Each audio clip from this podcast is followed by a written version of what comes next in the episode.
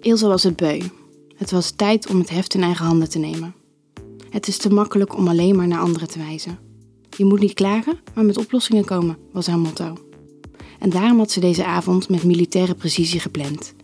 Niets had ze aan het toeval overgelaten. Haar man, Bas, ging zoals elke avond even naar Tina naar boven. Na zeven jaar huwelijk waren er bepaalde gewoontes ingesleten. Ze vond hem nog steeds een topgozer, maar de voorspelbaarheid en de sleur maakten hun leven wel een beetje saai. Terwijl zij in de badkamer was, zou Bas zich uitkleden en zijn kleren netjes opvouwen en over de stoel leggen. Dan zou hij naakt onder het donzen dekbed kruipen en nog wat lezen. Hij zou verwachten dat zij zich even later bij hem zou voegen, dat ze elkaar een kus zouden geven om vervolgens te gaan slapen. Maar niet vanavond. Want vanavond nam ze zijn boek uit zijn handen en legde dat opzij op het nachtkastje. Nog voor hij kon reageren, pakte Ilse zijn rechterpols en plaatste die boven zijn hoofd op het matras. Het was Bas helemaal niet opgevallen dat ze polsboeien had vastgemaakt aan het bed. Sst, siste Ilse hem toe. Ze maakte hem duidelijk dat ze plannen had. Ze had vanavond de touwtje in handen, letterlijk en figuurlijk. Ook zijn linkerpols maakte ze zonder veel moeite vast. Ilse was trots op zichzelf. Bas, die normaal altijd het initiatief nam in de slaapkamer, lag nu min of meer hulpeloos aan zijn polsen vastgebonden aan het bed. Hij leek totaal uit het veld geslagen en bekeek verbluft zijn vastgebonden polsen. Traag trok Ilse het dekbed van hem af en nu zag Bas pas dat ook daar bij het voeteinde twee soortgelijke boeien onder schuil gingen. Plagend liet Ilse twee vingers vanaf zijn borst, langs zijn buik en lies over zijn benen naar zijn rechter enkel gaan. Zeg, wat ben jij van plan? Er klonk angst en opwinding door zijn stem. Ilse grijnsde slechts en maakte nu ook zijn linker enkel vast. Ze trok de koorden waarmee de enkelboeien aan de bedpoten waren bevestigd extra aan, zodat Bas, nu als een hulpeloze zeester op bed lag vastgebonden. Eels. Bas was duidelijk nog niet gewend aan de onderdanige rol die hij vanavond was toebedeeld. Ze zuchtte overdreven en trok een doos onder het bed vandaan. Het was de doos die vanmorgen door de bezorger niet vermoedend was afgegeven. Vanavond zou Bas doen wat zij wilde. En wanneer? Nu was het tijd om stil te zijn. Ilse stopte de zwarte bal uit het pakketje in de mond van haar man en maakte het ding achter zijn nek met leren riempjes vast. Bas probeerde nog wat te zeggen, maar de bal maakte hem vrijwel onverstaanbaar. Hoewel haar lichaam geen enkele verrassing meer voor hem had, verraadde zijn fysieke reactie dat het door begon te dringen wat zijn lot was. De kleine sprongetjes van zijn lid moedigden haar aan om ook haar rokje uit te doen. Ilse droeg nu nog slechts haar kanten bij haar en bijpassende slip. Ook bij Ilse begint het te kriebelen. Met twee vingers streek ze kort over haar slipje om de opkomende opwinding te beantwoorden. Ze rommelde wat buiten het zicht van Bas en haalde een soort lange dunne staaf tevoorschijn, met aan het einde een zwarte veer. Plagend kietelde ze hem daarmee over zijn borst en tepels. Bas kronkelde een beetje en het viel Ilse op dat zijn opwinding steeds duidelijker werd. Toen ze met het veertje langs zijn gezwollen penis kietelde, maakte deze korte blije sprongetjes. Bas kon alleen kermen. Arme Bas.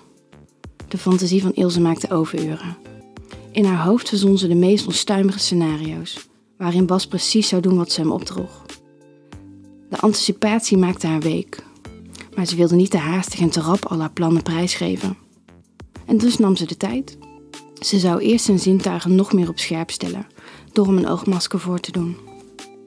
Nog een keer keek ze naar haar man, zoals hij daar vastgebonden lag, met een bal in zijn mond en een masker op. En ze bewonderde haar werk. Schrijlings ging ze over hem heen zitten, zodat hun geslachten slechts nog door dunne stof van haar slipje werden gescheiden. Het liefst zou ze hem nu bereiden, maar ze wist zich te bedwingen. In plaats daarvan pakte ze zijn tepels tussen haar vingers en speelde ermee tot ze hard werden. Inwendig lachte ze venijnig, omdat hij niet kon zien dat ze twee tepelklemmen had gepakt. Voorzichtig zette ze die één voor één op zijn kleine mannentepels. Van schrik probeerde hij zich te verzetten, maar de boeien en haar gewicht beletten dat. Even voelde Ilse medelijden, toen het leek of zijn gejammer een uiting van pijn was.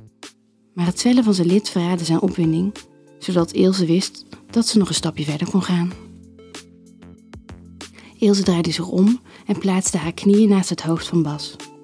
Nog steeds had ze het slipje aan, dat inmiddels behoorlijk vochtig begon te worden.